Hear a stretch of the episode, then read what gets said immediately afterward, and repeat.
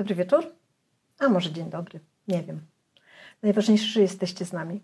Witamy Was w kolejnym odcinku naszego stałego cyklu 2020, który produkujemy m.in. dzięki wsparciu naszych patronów i patronek. Tak, PWP jest na Patronite, więc zapraszam, jeżeli tylko masz ochotę wesprzeć, zawsze możesz to zrobić.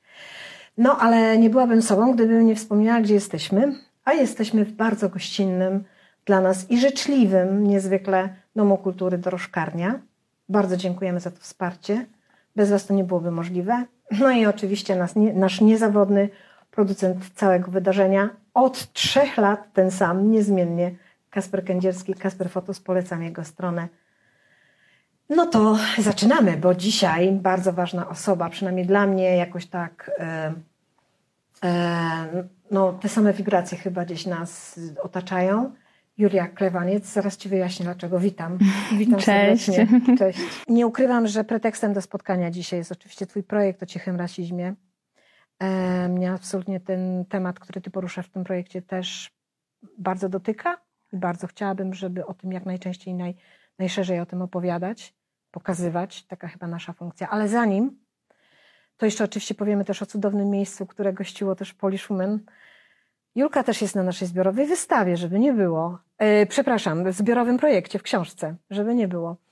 Natomiast e, zanim o tym, to Jula, e, dla tych, którzy nie mieli okazji poznać Twojej twórczości, czy poznać się mhm. z Tobą, powiedz dwa słowa o tym, jak to się stało, że stanęłaś na drodze fotografii. Wiem, że skończyłaś szkołę w Łodzi, tak. ale czy Ty wyszłaś z tradycji jakichś takich domowych, że ktoś dał ci aparat i powiedział: Rób zdjęcia, dziecko, ja cię namaszczam. Kompletnie nie. nie, chociaż y, już bardzo wcześnie wiedziałam, że chcę być fotografem. A skąd to wiedziałaś? Nie wiem. To Czułaś po prostu tak samo przyszło. Tak. E, mój tata miał zawsze aparaty. Jakby pamiętam te momenty, kiedy mój tata miał pierwsze cyfrowy aparat. Pamiętam, że jak mama robił mi zdjęcia polaroidem i że sam gdzieś tam się interesował fotografią, ale nie zajmował się nią. E, tak Zawodowo. raczej to było mhm. dla przyjemności. Mhm. Więc e, ja zaczęłam tak, pamiętam, że to była gdzieś czwarta, piąta klasa podstawówki. E, I wtedy gdzieś tam zaczęłam brać udział w jakichś konkursach i pamiętam, że powiedziałam wtedy swoim nauczycielom o tym, że będę fotografem. No Bo... wcześniej. tak, chociaż miałam wiele marzeń, ale myślę, że bardzo duży wpływ na mnie miała moja wychowawczyni. A e, przepraszam, gdzie, gdzie kończyłaś szkołę? Tu w Warszawie? Ja jestem ze Śląska. E, urodziłam się w Bytomiu, ale mieszkałam w bardzo małej miejscowości obok Tarnowskich Gór, Boruszowice. E, I to tam właśnie chodziłam do podstawówki, gdzie moją wychowawczynią była pani Dorota Bem, którą serdecznie pozdrawiam. Tu masz okazję ją przywitać i pozdrowić. tak.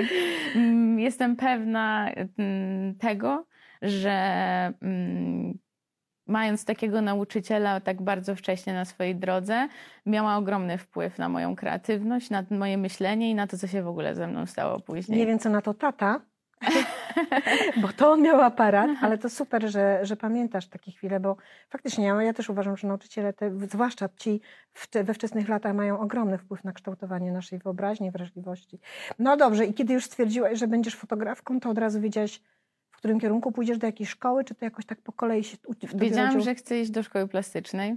Wow. Mm, jak szłam do gimnazjum, to nie miałam takiej opcji, ale często po szkole bardzo długo czekałam na swoich rodziców, którzy po prostu przyjeżdżali po mnie, odbierając, wracając z pracy, odbierali mnie ze szkoły, więc czasami było tak, że przez dwie godziny czekałam na nich e, i z moją koleżanką wtedy często chodziłyśmy po mieście i robiłyśmy zdjęcia, obserwowałyśmy różne miejsca, więc te, chodziłam codziennie z aparatem w plecaku do szkoły e, i po prostu obserwowałam Ty już urodziłaś, to już miałaś w genach po prostu. Ja nie wiem skąd to się wzięło, naprawdę nikt u mnie w rodzinie nie zajmuje się... Wiesz, tak stał tam i dobra, ty będziesz fotografką, idź na ziemię.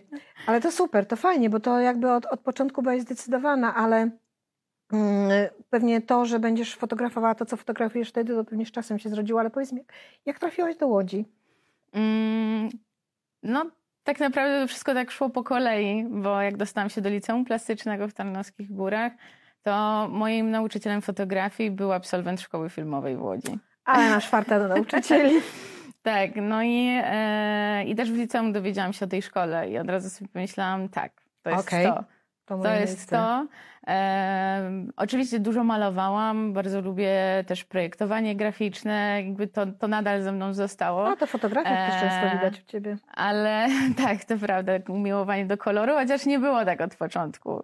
Jakby liceum to była ciemnia, to był średni format. Miałam ambicje, żeby zrobić teczkę do szkoły filmowej też na średnim formacie, w ciemni sama. E, I też wszystko w czerni i bieli, więc do tego koloru musiałam dojrzeć. E, ale malarstwo kochałam za kolor i, i czasami zastanawiałam się, czy czy jednak y, ma być to ASP, żeby połączyć jedno i drugie, czy jednak ta szkoła filmowa, e, gdzie bardzo bałam się, bo przyznam szczerze, że e, nie oglądałam filmów zbytnio. E, I myślałam sobie, e, zaczęło mnie to fascynować w liceum, ale jest to dosyć zabawne, bo No. bo jestem najmłodsza w rodzinie, mam starsze siostry i zawsze słyszałam, że wszystkie filmy widzieli. I nie, już ze mną nikt niczego nie chciał chciał, oglądać.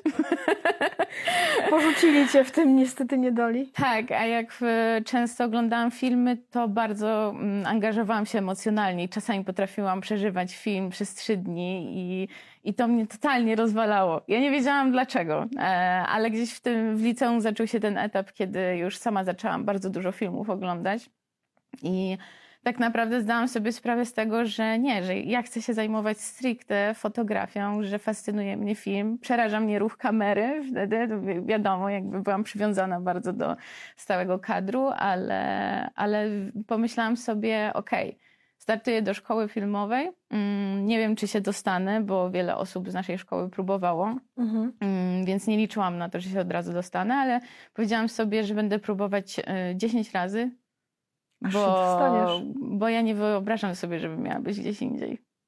Trzeba było tak zacząć na egzaminie. Słuchajcie, lepiej mnie przepuśćcie, bo będę wracała tutaj jak bumerang. Tak powiedziałam wtedy. Pa- Pamiętam, Nie. jak, jak, jak e, dostałam pytanie, który raz zdaję. Powiedziałam, że pierwszy, ale będę zdawać tyle razy, ile mam palcy u rąk. Pamiętam, że to powiedziałam, no. No proszę. Ale to w ogóle imponujesz mi z tym swoim takim, wiesz, że tu koniec. Bardzo szybko podejmowałeś decyzję, jakby chyba impuls, chyba głos, nie wiem co. Nie zastanawiałam się Mhm. aż tak bardzo. Mhm. Pamiętam, że moja mama była taka w szoku, że ja po prostu mówiłam, jadę drukować teczkę, jadę na pierwszy etap, nie martw się, załatwiałam sobie wszystko w Łodzi, e, akademik, ja tam zostanę na dwa dni, jadę na pierwszy etap i tak dalej, zobaczmy, co będzie dalej. Startowałam wtedy z moją przyjaciółką, Wiolą Kulas e, i, i razem po prostu stwierdziłyśmy, że jedziemy sprawdzić, no bo to jest pierwszy raz dostaniemy tak naprawdę opinię na temat tego, co robimy i, i co możemy robić dalej. E, I sobie pomyślałam, sprawdzę się, będę mieć rok, zrobię może jakieś lepsze portfolio e, i, i będę startować jeszcze raz. E, No I dostałaś się? dostałam się. tak, dostałam się Gratulacje. wtedy. Gratulacje. A przyjaciółka dzwonię też? Nie, wtedy nie, ale dostała się później, więc tak naprawdę Super. i tak razem przeszłyśmy przez studia i I co, i poleca, poleci, poleciłabyś tą szkołę? tak, Tak? Uważam, że nie ma dla fotografa lepszej szkoły niż ta. Dlatego, że to jest nie tylko szkoła i nie jest to tylko kwestia tego, że ja się śmiałam, że trochę jest tak, jakbyśmy przyszli na plac zabaw, że mamy e, studio, mamy narzędzia. To jest miejsce, gdzie ja mogłam wychodzić stamtąd o 21, 22 i mogłam zostać po zajęciach i sama uczyć się wielu rzeczy. Mogłam robić wszystko po prostu i to jest e, jak taki nie wiem, laboratorium, gdzie mogłam eksperymentować i bardzo często w szkole mówili nam, że to jest ten czas, kiedy możemy popełniać błędy i żebyśmy popełniali ich jak najwięcej, bo w ten sposób będziemy się po prostu na nich A uczyć. kiedy ty kończyłaś? Jak dawno? W zeszłym roku się obroniłam. E, To, to- też przedłużyło się przez pandemię, ale dostałam się w 2016 roku. Bo to, to, to, co mówisz, to też powtarzała nam Daria, być może kojarzysz, też była tutaj fotografka i właśnie ona była w Spafie, potem właśnie poszła do Łodzi i mówi, że to po prostu umarła, jak tam właśnie zobaczyła tą wolność, tą możliwość, te możliwości tak, naprawdę. No to super, to gratuluję Ci w ogóle. I oczywiście bez żadnej poprawki, bez niczego, normalnie, tylko pandemia. tak, tak. Ale dodam jeszcze tylko, że bardzo ważne jest środowisko w tej szkole, ludzie, bo y, najwięcej od siebie nawzajem się uczyliśmy. To chyba jak wszędzie, to na plenerach, na warsztatach, Tak. wszędzie. Jak To, to jest coś to- niesamowitego, bo my po prostu tak naprawdę się śmialiśmy na początku, że my rozmawiamy tylko o tym, tylko o A fotografii, to znaczy, że trafiłaś na rok samych pasjonatów. Tak, przyjaźnimy się cały czas i praktycznie wszyscy z Łodzi przenieśliśmy się do Warszawy, więc... y, Ojej, to cudowne w ogóle, to z No. tymi ludźmi dalej tutaj jesteś. Tak. To jest Doskonałe. wspaniałe. No. Zobacz, ile dobrego to w ogóle przyniosło. Ta, ta twoja taka, wiesz, determinacja, to tylko i wyłącznie. Jeszcze wtedy nawet nie wiedziałeś, że idą za tym przyjaciele w ogóle, Tak. nie? no. Świetnie, to wiesz co, aż ci zazdroszczę po prostu, ale tak, tak zdrowo zazdroszczę. Aż Bardzo się, cieszę. wzruszyłam. Ale to super, to świetnie. Fajnie. W ogóle wiesz, ja uwielbiam, jak ludzie taką pasję mają. No, wszyscy, jest takie powiedzenie podobno, że jak chcesz pokochać swoją pracę, to po prostu słuchaj swojego głosu i za pasją. Nie? Życzę tego wam wszystkim. No dobrze, jesteśmy po szkole i co, w- y, zostałaś już w Warszawie od razu po szkole i, i tak od razu było łatwo z tą fotografią. Co próbowałaś, co robiłaś? Czy od razu byłaś zdecydowana, jaką fotografię chcesz robić? Jak to u ciebie wyglądało? Bo jak wiesz, jak oglądam twoje fotografie, jak, jak y, czytałam o twoim projekcie, słuchałam zresztą rozmów z tobą też, to ty jesteś bardzo dojrzałą taką fotografką. Zresztą też miałam okazję obserwować cię w akcji, czyli w Picture e, Doc, jak byłam na spotkaniu. Jesteś absolutnie jakby, no, do, dokładnie wiesz, czego chcesz, co powiedzieć, co zrobić, co sfotografować. Tak od początku było? Mm, Nie, myślę, że każdy ma swoją drogę. Yy, Myślę, że Ty ta- którą drogą szłaś do tego momentu, w którym teraz jesteś? Myślę, że miałam dużo szczęścia i dużo ludzi na swojej No drodze. już poczynając od nauczycielki tam w tej Bronisze, Bronisz, W Boruszowicach. tak. Boruszowice, Tak, ja uważam, że trafiałam na odpowiednich ludzi po w prostu. odpowiednim czasie. w odpowiednim czasie. To było niesamowite, ale tak, tak było. Dlatego, że tak naprawdę wyszłam od reportażu, e, bo fascynują mnie ludzie Mhm. e, i gdzieś czułam, że po prostu ta historia, ta możliwość z takim nieruchomym obrazem opowiadania historii była dla mnie czymś niesamowitym. Pamiętam jak w liceum, właśnie robiłam teczkę e, do szkoły filmowej w Łodzi i pamiętam, e, to był mój pierwszy mecz e, bokserski. Wcześniej chodziłam na treningi tych bohaterów, którzy brali udział w tym meczu, ale też którzy byli po prostu bohaterami mojego reportażu. To to było dla mnie niesamowite, że obserwowałam ich, jak e, zmagali się też sami ze sobą, co dawały Mhm. im te treningi. E, I potem widząc ich na ringu. E, I ja wtedy tak naprawdę chciałam zrelacjonować ten mecz, a z drugiej strony tą walkę, nie wiem czy dobrze mówię mecz, ale chyba też tak się mówi. Tak, tak, tak. Ch- chciałam zrelacjonować tę walkę, ale zauważyłam, że patrzyłam na nich zupełnie inaczej, że patrzyłam na nich jako na ludzi, jako Czyli na głębiej jednostki. wchodziłaś w tego bohatera po tak, prostu. i tak naprawdę zerwałam tam z linią czasu e, i opowiedziałam, chciałam opowiedzieć o samej walce na ringu i o tej atmosferze, o tym, że jakby dla mnie trochę ten czas się tam zatrzymał przez chwilę i patrzyłam na dwójkę osób, które po prostu miały przystąpić do walki. E, I wtedy sobie pamiętam, zdałam sobie sprawę z tego, że tak, chcę opowiadać o ludziach, o ich emocjach i nie wiem jeszcze jak, ale zobaczymy. I, e, i potem w szkole filmowej e, oczywiście czekałam najbardziej na reportaż i tam poznałam Piotra Wójcika. E, I to opowiadanie historii e, właśnie szczególnie tych najbliższych z, Mhm. z, z Łodzi, która była dla mnie nowa, fascynująca też. Fajnie, e, bo mogłaś odkrywać ją na nowo totalnie, tak, nie? tak, tak, tak. Plus takie pierwszy raz wyjechałam sama, sama musiałam zamieszkać, więc wszystko było dla mnie fascynujące wtedy. Ale gdzieś właśnie był ten reportaż, ale jak przychodzi się do szkoły, to nagle wszyscy wykładowcy mówią, że tutaj zaczynamy od zera. Szukamy Wow. siebie. I tak naprawdę przechodzimy przez wszystkie pracownie, przez pracownię portretu, kreacji, e, reportażu. To wszystko się po prostu zderza ze sobą. I tak naprawdę Czyli spróbowałaś wszystkiego tak naprawdę w tej Mhm. szkole.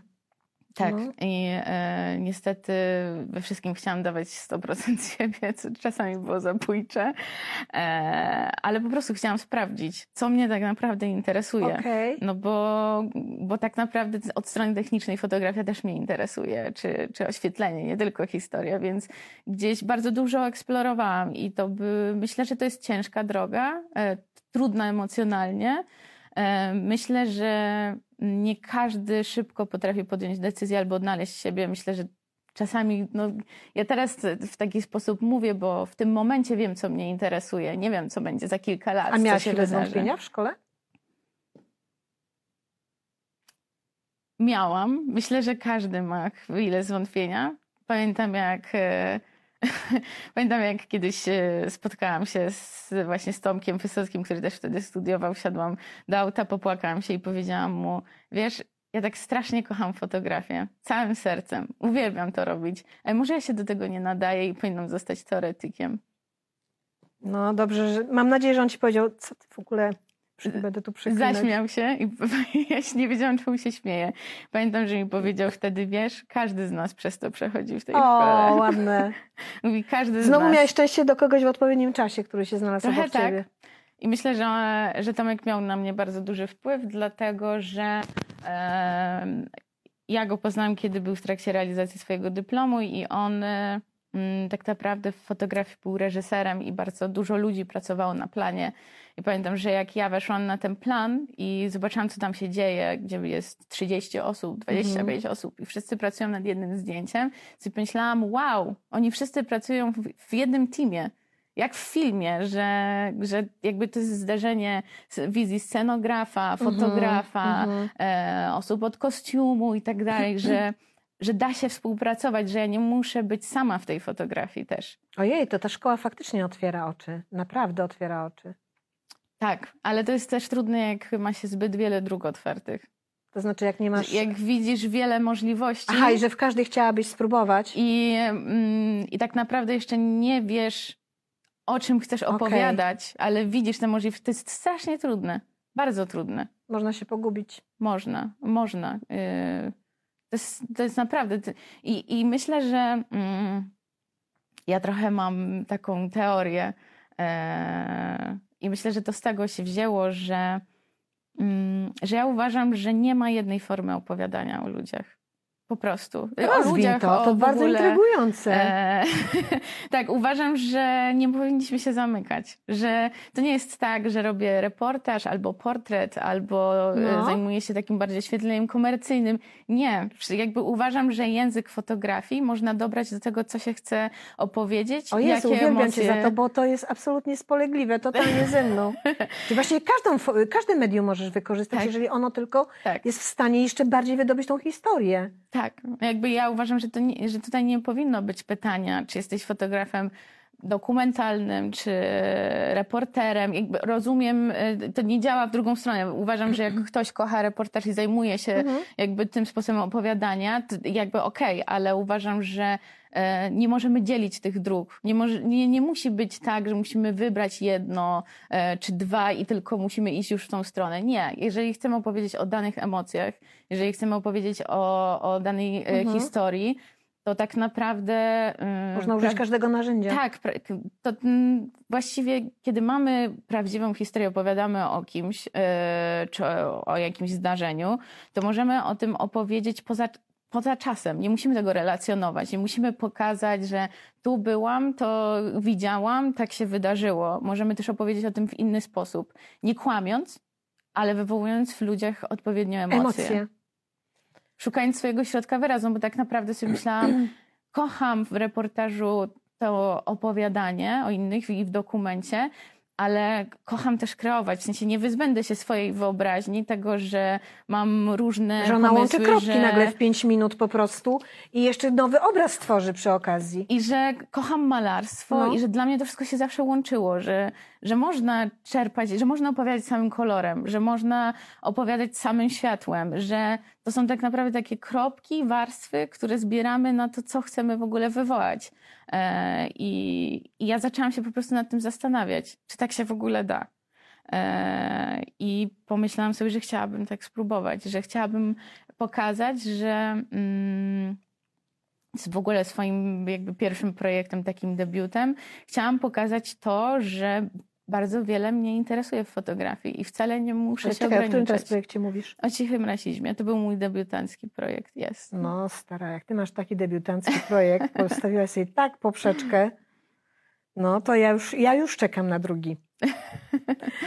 e, ale to jest, wiesz co, wracając do tego, co powiedziałeś, to jest bardzo ciekawe, bo e, i ja też się absolutnie pod tym podpisuję, bo uważam, że po pierwsze, przez takie podejście do tematu, to nie ty jesteś ważna i nie twoja kamera czy tam aparat, tylko ten bohater czy ta historia.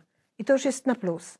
Bo ja yy, mimo wszystko jestem też z tych ludzi, który szacunek dla bohatera czy historii przede wszystkim, prawda o nim, prawda o mnie, o moim stosunku do niego, to też jest bardzo ważne, a jakiego narzędzia czy medium ja do tego użyję, czy koloru, czy, czy techniki, to już, to już naprawdę pozostawiam to, bo, bo, bo, nie potrafię powiedzieć na przykład w tym momencie, dopiero kiedy będę tworzyła mhm. tę historię opowiadała, jak będę czuła.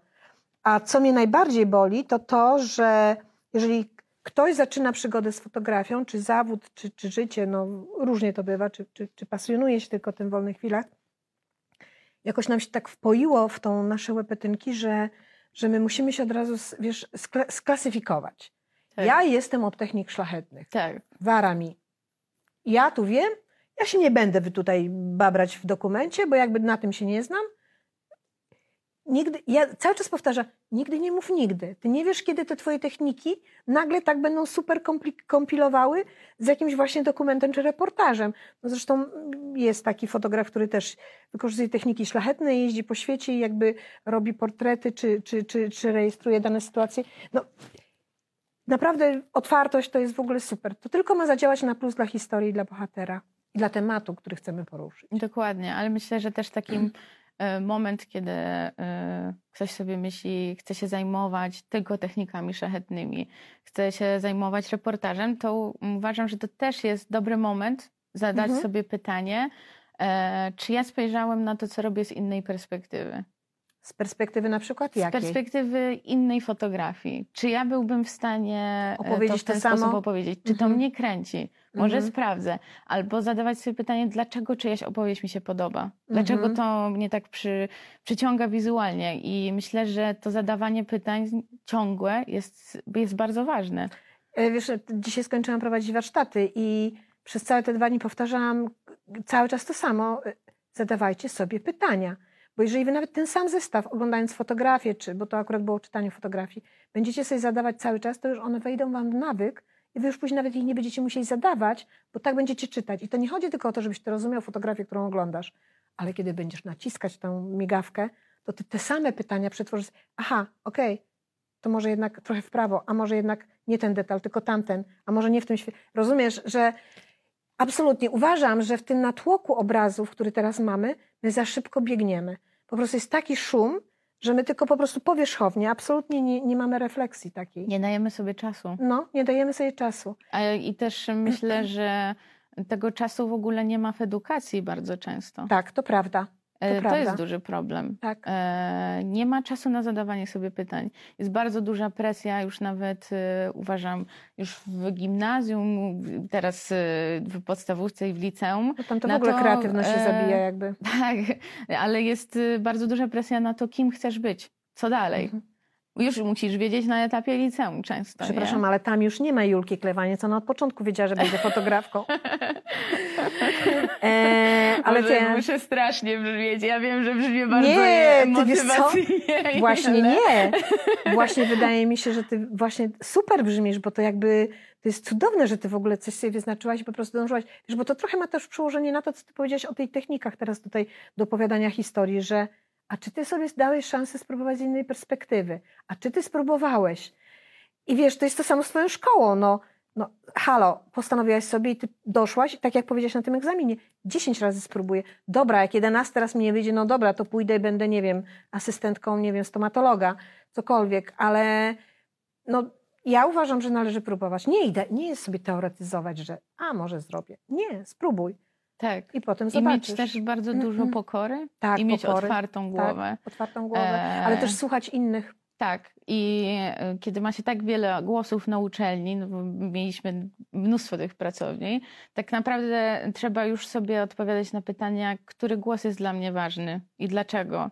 E, dlaczego E, czyjeś słowa bardziej przyjmę do siebie, a kogoś innego nie. Jakby to jest też Czyli naturalne. znowu wracamy do punktu. Pytajcie samych siebie, dajcie sobie Ja sobie cały chwilę. czas zadawałam takie pytania, bo... Czy jak oglądasz fotografię na wystawie i jakaś fotografia cię porusza lub wręcz przeciwnie, to też sobie zadajesz pytania, mhm. dlaczego? Tak. Tak, że bardzo, nawet teraz, będąc w takim momencie przed y, tym, jak zacznę robić nowy projekt, to często zadaję sobie pytania, dlaczego y, zapamiętuję dane zdjęcia, dlaczego coś na mnie zadziałało i czasami i po prostu, dlaczego właściwie ten twórca mi się podoba. Dlaczego dlaczego zwróciłam uwagę, dlaczego zaczęłam się nad tym zastanawiać i zaczynałam to analizować. E, nie wiem, czy to jest dobre. Ale daje ci to coś, przekłada ci się ta, ta twoja analiza, to co z tego wychodzi później na twoją pracę, nad twoim projektem, nad twoim zdjęciem? Tak, ja bardzo też technicznie analizuję fotografię. W sensie? E, w sensie, te, ja, ja też pracowałam komercyjnie, pracuję, Mhm. mam dosyć też duże takie mm, Tak czytałam, właśnie, że doświadczenie. robiłaś nawet jakieś sesje y, komercyjne dla jakichś marek, tak? Tak, tak, tak, tak, tak. E, Robiliśmy wspólnie z do, w duecie z Krzyśkiem Żabskim. E, Bawiliśmy się też w produkcję e, planów e, zdjęciowych, dosyć dużych. E, I to, no, jakby taka praca komercyjna, gdzie my zawsze chcieliśmy być coraz lepsi, do- jakby Mhm, mhm. od sami od siebie bardzo dużo wymagaliśmy, to analizowaliśmy e, zawsze technicznie światło, dobór aparatów, Mhm, obiektywów, mhm. dlaczego, e, co jaki daje efekt i tak dalej. I to mi trochę zostaje. Ja, ja myśląc na przykład o nowym projekcie, analizuję kolor e, w innych pracach, analizuję dane światło e, i, i jestem trochę perfekcjonistką w tym e, i dużo od siebie wymagam, ale co jest takie przewrotne, często analizuję to po to, żeby dawać takie pstryczki w zdjęciach, gdzie e, robię coś Swoich niedok- już? tak, gdzie robię coś niedokładnie, specjalnie, że, że bawi mnie to, że czasami zrobię coś nie tak. Czyli taki babol y, zaczepny, Mhm.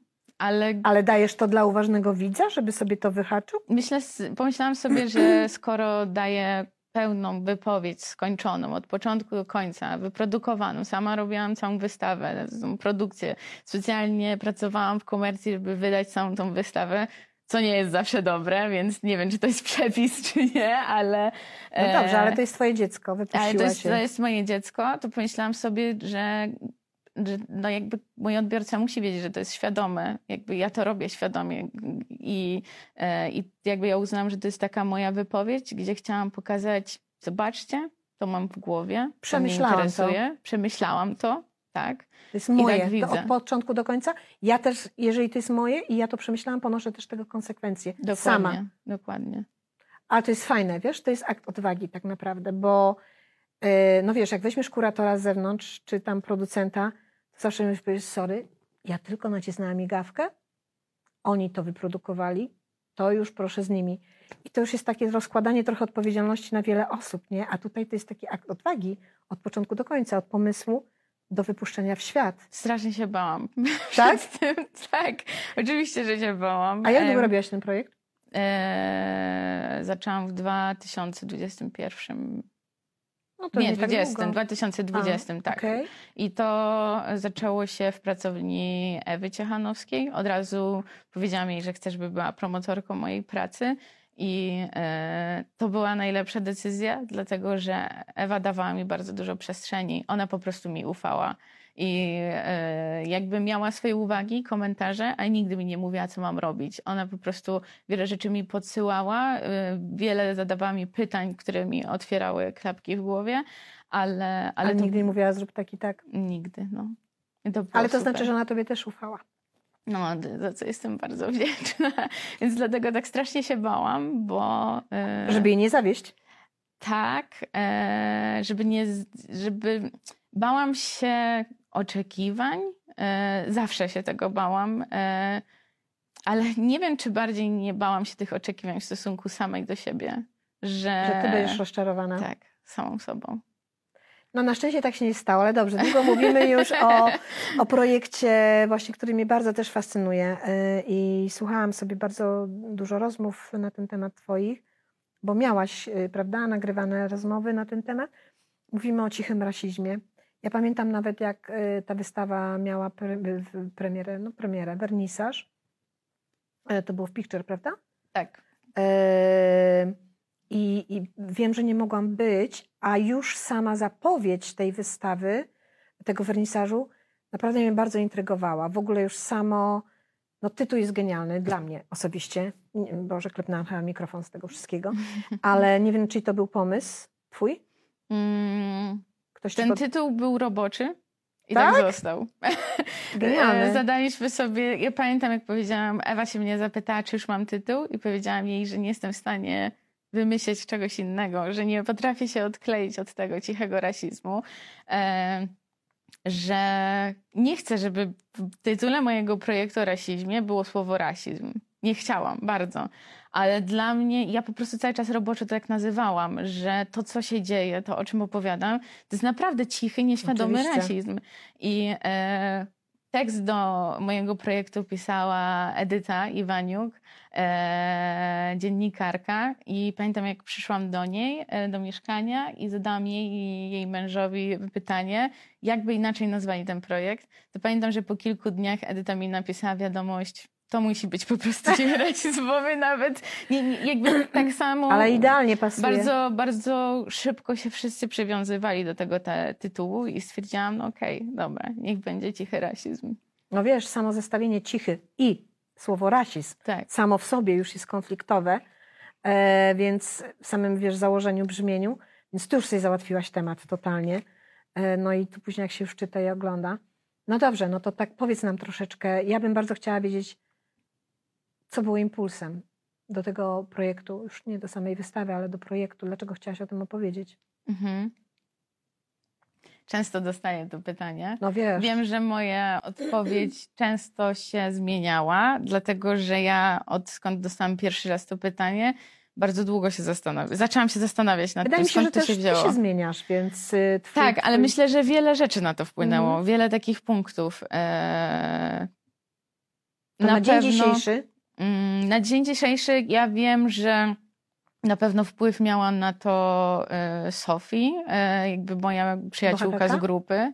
Nie, nie, nie, Nie. moja przyjaciółka z grupy, która przyjechała e, do Łodzi z Nowego Jorku Mhm. i, i pierwszym takim impulsem było to, jak powiedziała, że była w szoku, że była w mm, piekarni i mamy czekoladowe ciasto murzynek. No tak, sławetny. E, I y, jakby rasizm w Stanach Zjednoczonych opiera się na zupełnie czymś innym, ale Tak. pamiętam, że ona wtedy to powiedziała i to dopiero wtedy do mnie dotarło, że ja wcześniej nie zwracałam na to no, uwagi. Nikt, ja też nie E. zwracałam. Pierwsze to skojarzenie u ciebie. Potem e, pamiętam, że właśnie Ewa Ciechanowska kazała nam zastanowić się nad słowem konflikt, jakbyśmy go e, sformułowali, Mhm. opisali. I w Łodzi było takie, e, jakby przeczytałam artykuł wyborczej o tym, że urodziły się e, bliźniaki, Mhm. e, to były bliźniaki e, albinosy Mhm. w Łodzi i przeczytałam o tym, że to jest bardzo częste, że bardzo wiele osób ucieka z Afryki, przyjeżdża do Łodzi i jakby tutaj też uciekają już z dziećmi, które te, e, tam Mhm. się urodziły, ale e, Bo one tu są bezpieczne. Tak. I ja przeczytałam e, potem wywiad z dwójką nastolatków, którzy, e, bliźniaków, którzy powiedzieli, że dzieci od zawsze nie wiedziały, kim są, w sensie jak ich określić, że czasami na rysunkach ich pomijali, bo nie wiedzieli, czy malować e, jako, rysować je jako czarnoskóre dzieci, czy jako białe, dlatego że Mhm. wyglądają jak ich rodzice, ale są biali. Dzieci tego nie rozumieją, nikt im tego nie tłumaczył. W szkole omijało. Ale mówisz teraz o dzieciach, które razem z nimi się uczyły? W szkole, Mhm, tak, w, mhm. w klasie. I oni jakby opowiadali o takiej perspektywie e, już jakby nastoletniej, e, o tym, jak dzieci po prostu nie wiedziały nawet jak, jak się z nimi bawić, jak je rysować. I sobie pomyślałam, że to jest w ogóle coś niesamowitego, że jesteś w klasie, która wygląda zupełnie inaczej e, niż ty. I musisz się mierzyć z tym, że ktoś nie wie, w jaki sposób Jak z tobą rozmawiać, jak się zachować. I w pewien sposób jesteś wykluczony. No, jesteś wyalienowana. Mhm. I ja zaczęłam się nad tym zastanawiać. Pomyślałam, że to jest jakieś Kosmos, nie? straszne, jakiś kosmos, że zaczęłam sobie zadawać pytanie, czy, czy ktoś ze mną o tym rozmawiał w szkole na przykład, e, kiedy pierwszy raz zobaczyłam czarnoskórą w ogóle osobę w swoim życiu i tak zaczęłam, zaczęłam Mhm. o tym myśleć i to były właśnie gdzieś takie momenty, które powodowały, że zaczęłam się nad tym zastanawiać. E, a jak człowiek się zaczyna zastanawiać, to dużo więcej słyszy. No, no tak ja jak zaczęłam... szukasz samochodu białego i nagle wszystkie są białe, nie? Dokładnie. I, e, i, i tak zaczęłam zwracać na to uwagę. Jak e, często ludzie nieświadomie wypowiadali słowa, które wykluczają, że to leci z automatu. To jest tak wżarte w nas, mówię tutaj no. konkretnie o słowie murzyn, mhm. e, że, że robimy to z automatu. No że... i mamy 100 tysięcy powiedzeń przecież. Tak, że mnóstwo porównań, mhm. frazeologizmów, że e, w ogóle... To w ogóle ma negatywny wydźwięk, bo jeżeli ktoś coś zrobi, no to wiadomo, że porównamy go wtedy właśnie tak, do, dokładnie. do murzyna. Do mhm. kogoś gorszego, mhm. e, ale to potem dalej zaczęłam o tym myśleć i e, jakby każdy z nas pamięta, że w szkole czy w przedszkolu, jak e, był temat Afryki, to zawsze e, rysowaliśmy palmę, e, dziecko w skórach zwierzęcych albo nagie, mhm. które, tak, banany, które żyją w szałasie i tak mhm. dalej. Ale Afryka nie wygląda tak cała. W sensie Afryka jest różnorodna. Z schematami poleciliśmy, nie? Dokładnie. I, I potem sobie pomyślałam, i nadal dalej nikt mi ze mną Ale wiesz, o tym nie rozmawiał. Bo wszyscy czekali na klewaniec, tak trochę żartując. Nie, żartując, bo wiesz, teraz zupełnie poważnie, jakby te schematy, nikt się nie znalazł po drodze, kto by nagle nie zaczął tego analizować po prostu. Tak. I one by tak były dalej przekazywane. No pewnie będą jeszcze, no bo przepraszam, ty działasz tylko w rejonie jakimś zawężonym, no jednak mimo wszystko nie jesteś w każdej szkole i tak dalej.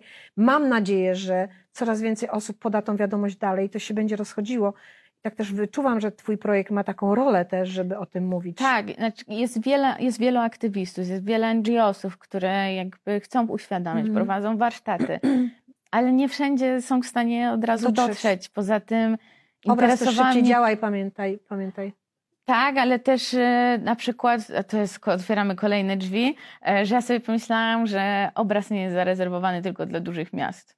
No bo ja jestem z mojej miejscowości małe miejscowości tego też potrzebują. Bardzo. I dlaczego ja mam pokazywać to na przykład, co mi to da, że co, co w ogóle da to moim odbiorcom, kiedy pokażę to w Warszawie, nie wiem, e, w Berlinie, czy gdzieś tam, czy w Poznaniu, jakby te miasta też tego potrzebują, oczywiście, jakby. No, ale mają też więcej, większe możliwości, bo tam są właśnie e, aktywiści i tak dalej, nie? Dokładnie, więc... Yy, więc tak, więc ja w ogóle sobie zadawałam pytanie, jak dotrzeć, szczególnie, że wielu moich bohaterów też um, udziela się w ten sposób, że prowadzą warsztaty, czy edukują, prowadzą podcasty, mhm. wiele e, rozmów, wywiadów przeprowadzają, żeby, żeby w tej dziedzinie e, edukować.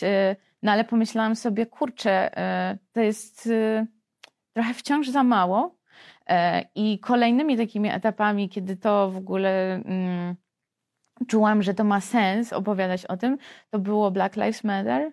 E, mhm. kiedy, z, kiedy usłyszałam, że to Polski nie dotyczy. Że Ale Lives, tak e, w komentarzach, w wiadomościach? W wiadomościach, od ludzi na ulicy. To był bardzo, pamiętam, że to był bardzo gorący temat. My o tym bardzo często też w swoim gronie dyskutowaliśmy. I pamiętam, jak Ewa mi też powiedziała, Ciechanowska, że mm, zaczęła poruszać ten temat wśród ludzi i zaczęli się kłócić za każdym razem o to, że każdy stał przy swojej racji. Nie jestem rasistą, ale no mówię słowo murzyn, ale nie jestem rasistą, nie wykluczam.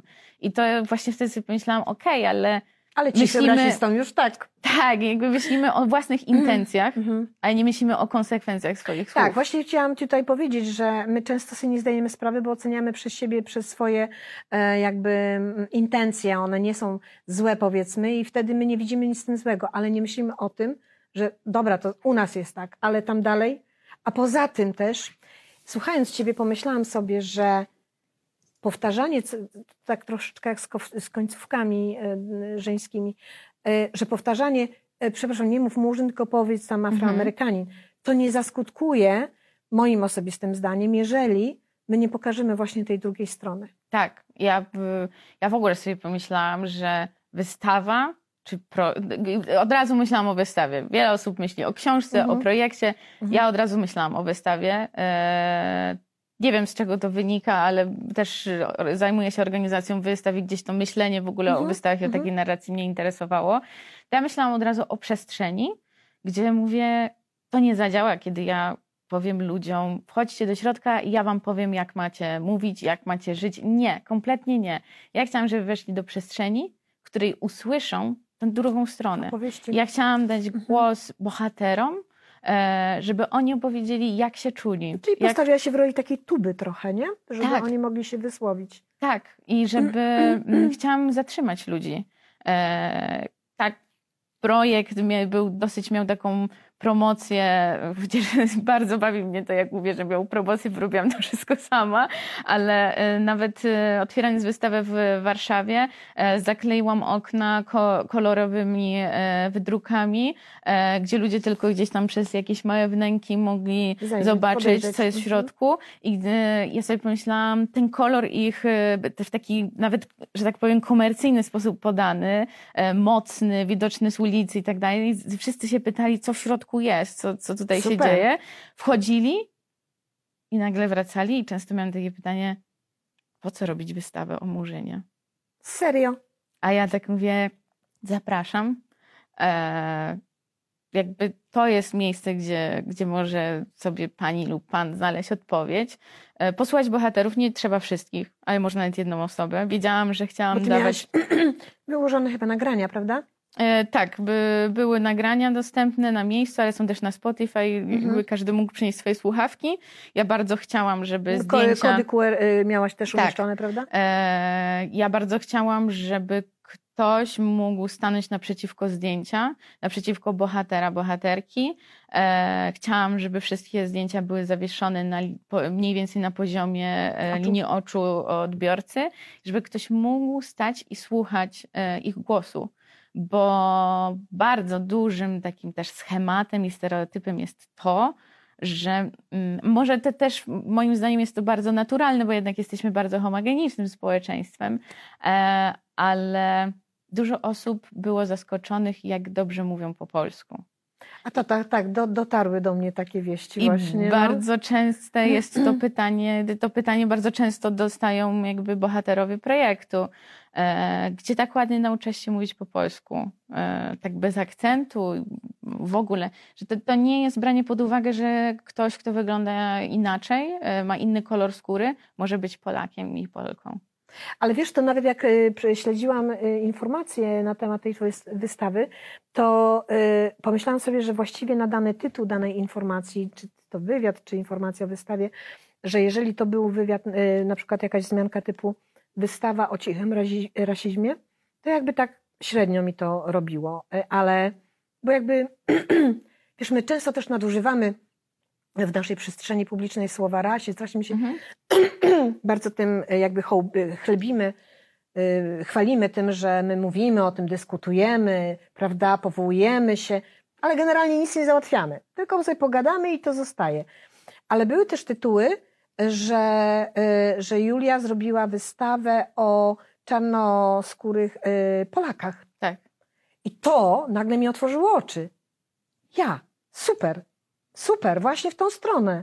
No to są Polacy, ludzie. Tak, to było w ogóle dla mnie bardzo ważne, żeby wszystkie zdjęcia, e, i to jest znowu ten miks, który bardzo często dostawałam pytanie, że e, może powiem na początku, z jakiej struktury w ogóle się składała cała wystawa. No właśnie, bo my wiemy. E, tak, i opowiadamy tak, o czymś, tak. a, a jakby To tak, masz odbiorcy mogą nie Mhm. wiedzieć. E, całą e, wystawę zaplanowałam sobie tak, że otwierało e, duże zdjęcie e, moje i aktywistki e, Ogi Ugono. Obydwie pleciemy sobie warkocze. To zdjęcie jest E, też e, w naszej książce. Tak, dotykamy włosów, które są bardzo intymne, które bardzo często też występowały we wspomnieniach e, bohaterów, bo bardzo często ludzie bez pytania dotykali włosów, żeby sprawdzić, Mhm. jakie są. E, I to też jest jakimś takim e, często okrutnym symbolem po prostu rasizmu, e, ale że my w Ogi jesteśmy w jednym wieku, jesteśmy Polkami i razem usiadłyśmy jak takie małe dziewczynki, które ze sobą Jak siostry. rozmawiają, jak siostry i pleciemy sobie Ale warkocze. patrzycie na nas. Patrzymy na odbiorcę i zdjęcie nazywa się Musimy porozmawiać. I ja chciałam już wprowadzić takie oho, chyba Halo, będzie, będzie kara, gadane. będzie lanie. I nagle e, chciałam wpuścić odbiorcę do przestrzeni, gdzie zderza się z fotografią, która jest totalnie abstrakcyjna. e, bo, bo bo to są tak naprawdę kwadraty, e, faktury, kolory, stoły. Robiłam rzeźbę z ciasta i tak dalej. Chodziło mi o to, żeby, mm, żeby ludziom podobały się te zdjęcia, żeby one były atrakcyjne wizualnie, żeby pomyśleć sobie, wow, może nawet za- zawiesiłabym sobie to na ścianie. Tak, I nagle na dole Mhm. jest podpis, e, czym dla mnie to zdjęcie, o czym ono mówi, bo w ogóle ta właśnie strefa tych abstrakcyjnych zdjęć to są rzeczy, zbiór jakby takich sytuacji, słów, e, które e, ja doświadczyłam w życiu. Chodzi o to, które zaobserwowałam, czyli ciasto murzynek, to jak e, słucham, jak inni żartują, czy jak ja sama mówiłam kiedyś i tak dalej. E, I ja chciałam, żeby ludzie podchodząc do tych ładnych zdjęć, czytali podpis, nagle mieli takie o wow, ale to, to nie jest o niczym pozytywnym, to nie, jest może o niczym ładnym.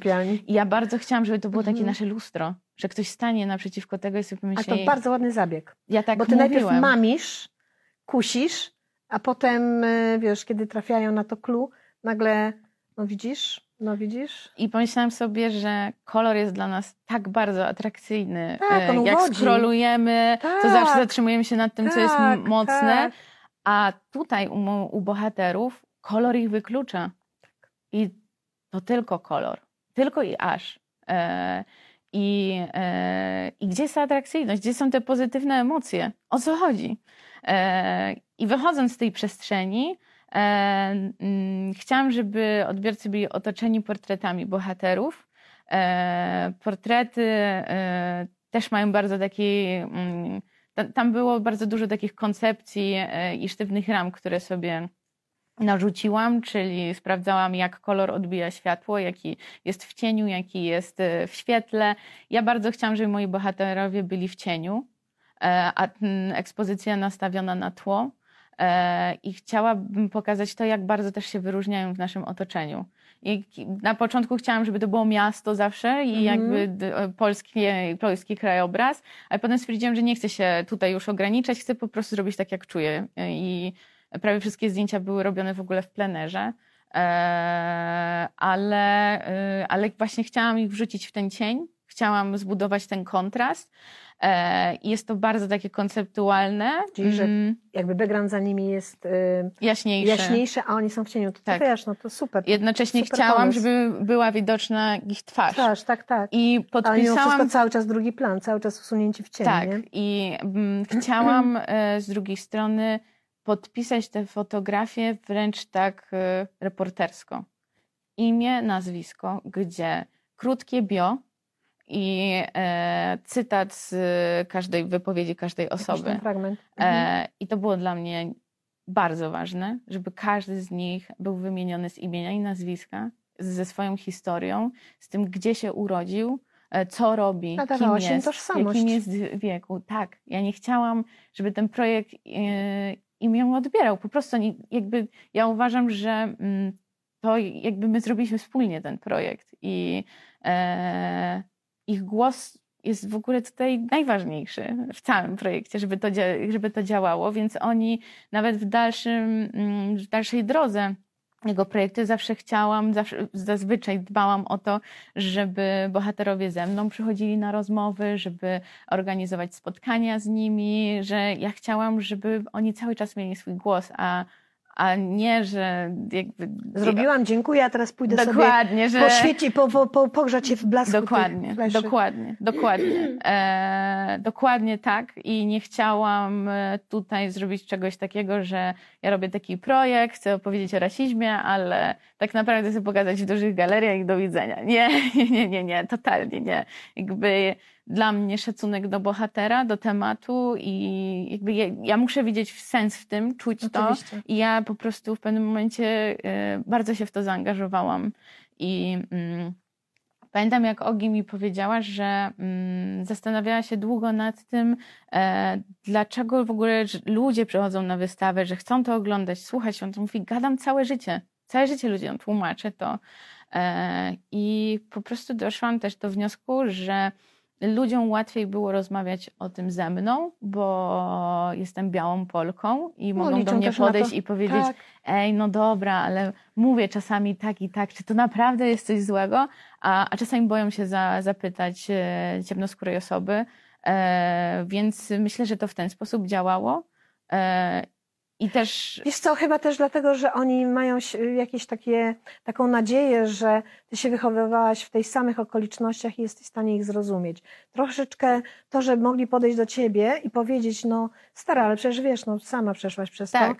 to, y, to, to oni się rozgrzeszali w ten sposób troszeczkę, jakby to tak podświadomie, oni nam mo- mogli tego nieświadomie robić, y, ale gdzieś tam mieli w tyle głowy, że a, no to ona zrozumie, to ja nie jestem taki winny. Y, Wiesz, no tutaj też nie jesteśmy jakimiś bogami i nikogo tu nie, nie będziemy rozliczać z tego, ale, ale, ale fajnie, że jest taka Julka, i, która nas zatrzymała i, i uświadomiła kilka bardzo prostych rzeczy, bo, bo możemy naprawdę nie mieć złych intencji, a po prostu nie Tak. mamy świadomości. Niewiedza, e, po prostu. Mhm. E, Ja bardzo chciałam, żeby po prostu wystawa była miejscem dyskusji. To w ogóle było dla mnie fascynujące, że. A zdarzało ludzie- się, tak? Było tak? Tak. e, Dla mnie też fascynujące było to, że ktoś może się nawet pokłócić o coś, ale, ale jakby wychodzi do wymiany zdań. emocje. E, I to, to było dla mnie fascynujące. To jest też coś, co zaszczepił we mnie właśnie Piotr Wójcik, który, któremu też zawsze zależało na tym, żebyśmy e, jako Picture Dog organizowali wystawy, gdzie dzieją się dyskusje, że to jest bardzo ciekawe. No tak, to I, jest najważniejsze. i jakby t- to Mhm. mnie też bardzo e, interesowało i bardzo chciałam, żeby to było dużą częścią projektu.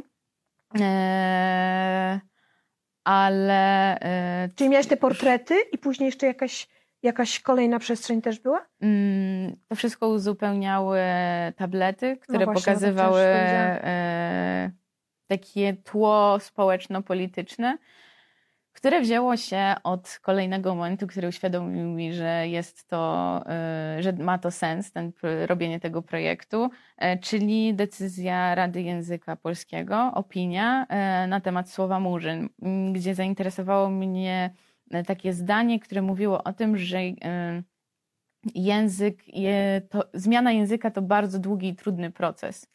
I on nie nastąpi za 5 lat, 10 lat. To często zmieniają pokolenia, e, ale największy wpływ na to ma, e, mają szkoły, e, wypowiedzi polityków i media. No tak. I ja stwierdziłam, że prześledzę te ostatnie 30 lat, czyli ten okres, który jest uważany, kiedy ten język bardzo się zmienił, bo kiedyś słowo murzyn było neutralne, było określeniem na czarnoskórą osobę.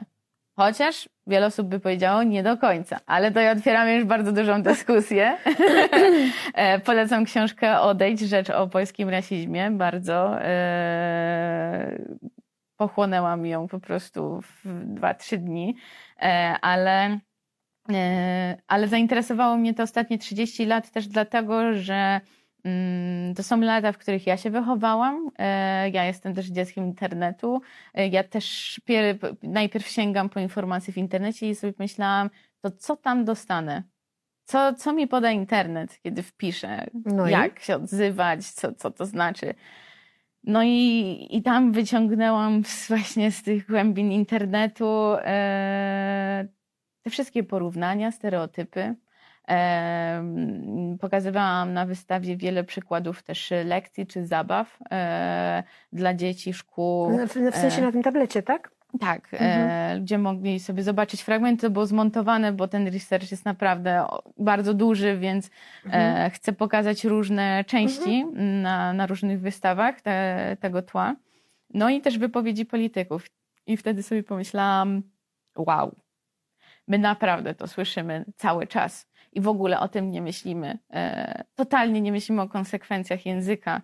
E, A oni tu żyją, pracują, tak, są Polakami. tak, i to nie jest tak, że my możemy po prostu udawać się, że jakby wcale tak nie mówimy, okej, już przestańcie, skończcie tę dyskusję. Jakby, No, zwykle bywa z niewygodnymi tematami tak, że właśnie się tak zamiata troszeczkę pod dywan i mówi się, dobra, dobra, już nie przesadzaj. Tak. A najbardziej mnie zaskoczyła telewizja, bo yy, i to Iza Perez mnie też o tym uświadomiła. Powiedziała mi, zobacz, yy, zastanów się, kiedy zo- zobaczyłaś pierwszą czarną skórą osobę w swoim życiu. czy to było w telewizji, czy to były amerykańskie seriale, filmy, czy to były polskie filmy. Bo tak naprawdę, ja jak sobie pomyślałam o tym, e, i też Iza jest aktorką, e, to ona mówiła, że większość jej ról była taka, że ona skądś przyjechała że musiała no tak, uczyć no tak. się e, łamać język polski, że musiała się fonetycznie uczyć innego języka. Zawsze skądś przyjechała. Jakby nie urodziła się tutaj. To teraz się zmienia, Netflix też wprowadza inne standardy, wymagania i tak dalej.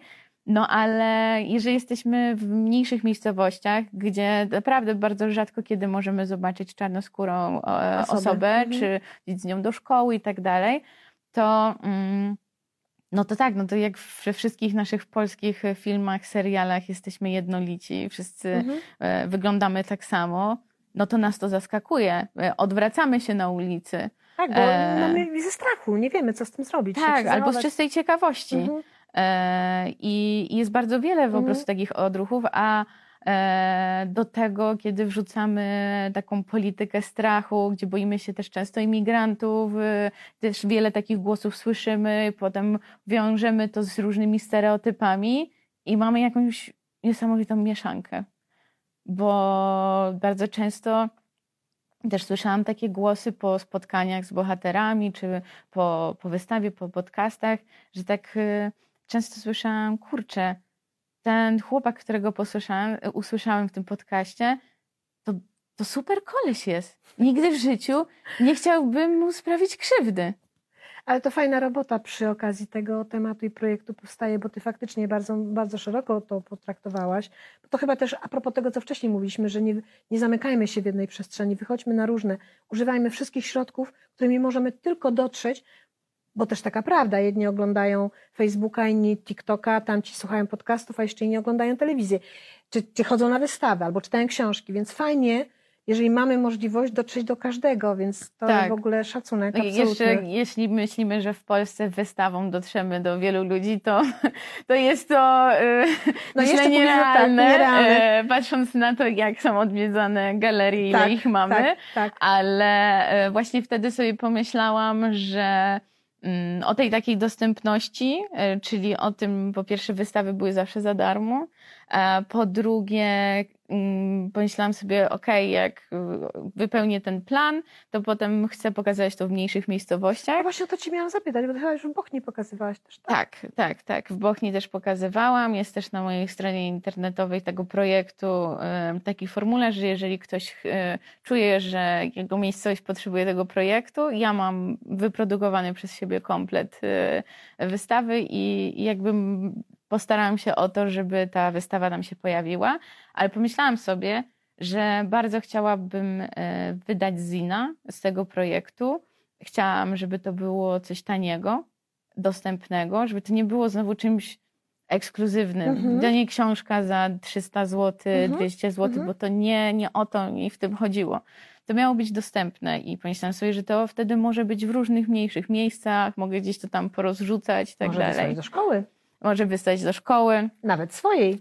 Tak, mam takie marzenie, yy, chociaż zabrakło mi ostatnio sił, już na tale zbieram i mam nadzieję, że uda mi się jeszcze to zrobić, że bardzo chciałam yy, rozwiesić te fotografie jak plakaty w mieście, na jakichś murach yy, czy niedaleko szkół, żeby może jeżeli dzieci jeszcze nie są gotowe na taki trudny temat, e, czy, czy rozmowę o tym, czy nie wiem, te cytaty są zbyt mocne dla nich, to pomyślałam sobie, że oswoją się z wizerunkiem czarnoskórej osoby.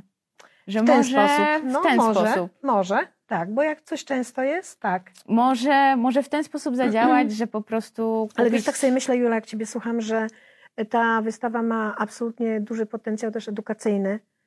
E, no, w, w, te, w, te, w tym czasie, w tej formie edukacji, jaka jest w Polsce, jak jest zarządzana, to może być trudne, ale może w jakichś innych, ja nie wiem, czy po kolei. To, że w małej miejscowości absolutnie się podpisuje wszystkimi kończynami, zresztą wiesz, że jeździ nasza wystawa też i ja też cały czas cisnę, żeby jeździć po małych miejscowościach, bo uważam, że duże mają tak duży wybór, że tu zawsze coś się znajdzie, a w tych małych oni ciągle czekają, a nie wszyscy mają możliwość przyjechania.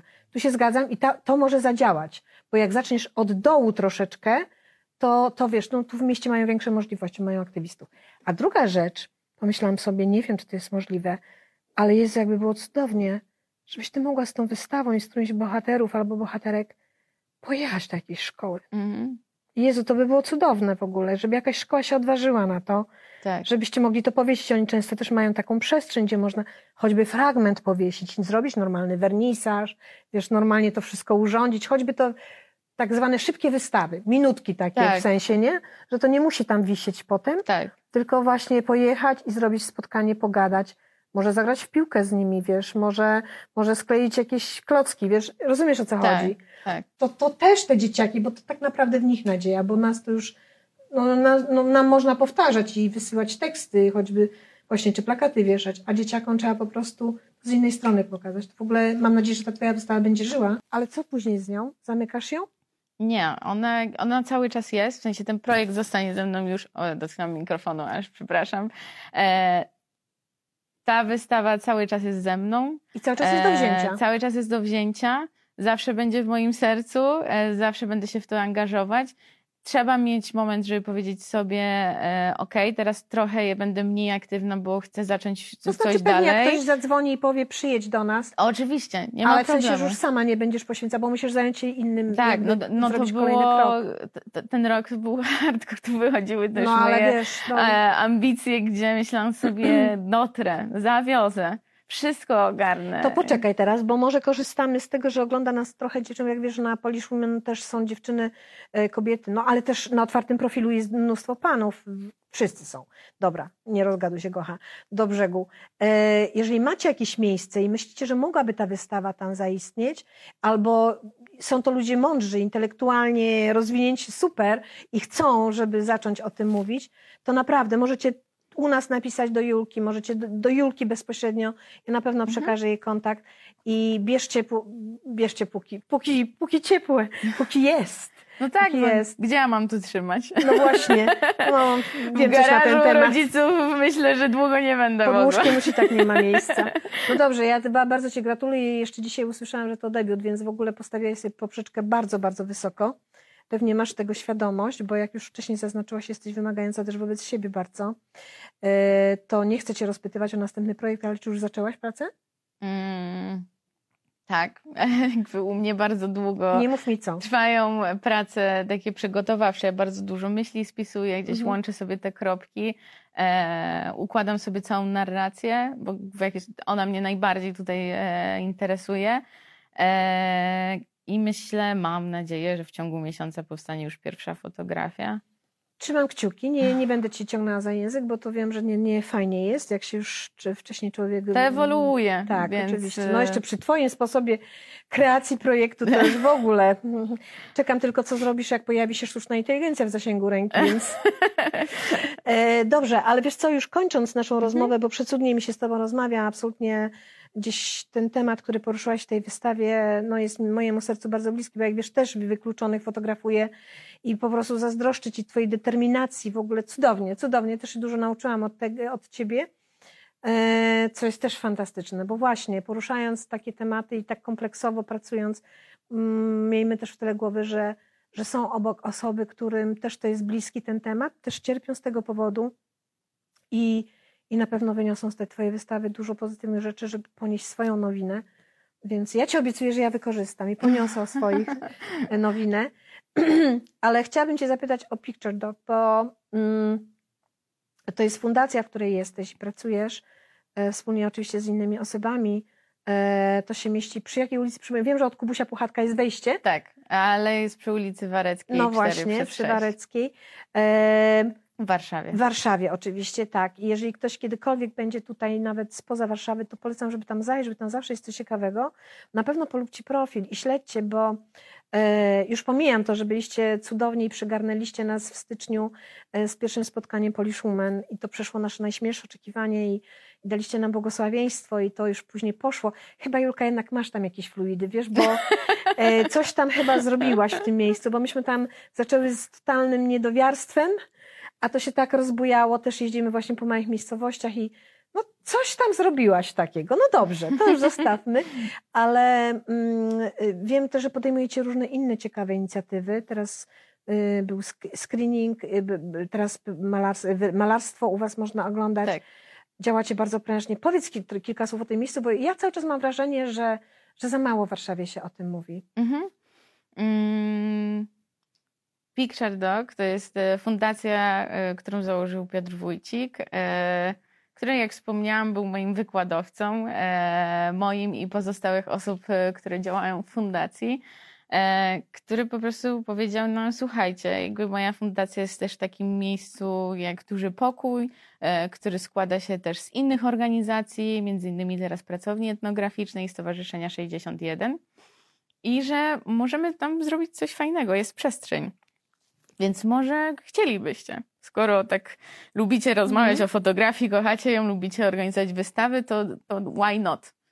E, no i e, my stwierdziliśmy, że to jest świetny pomysł i wtedy w takim teamie 12 osób stwierdziliśmy, że tak, jesteśmy w stanie zrobić to wszystko, co zaplanowaliśmy bez budżetu.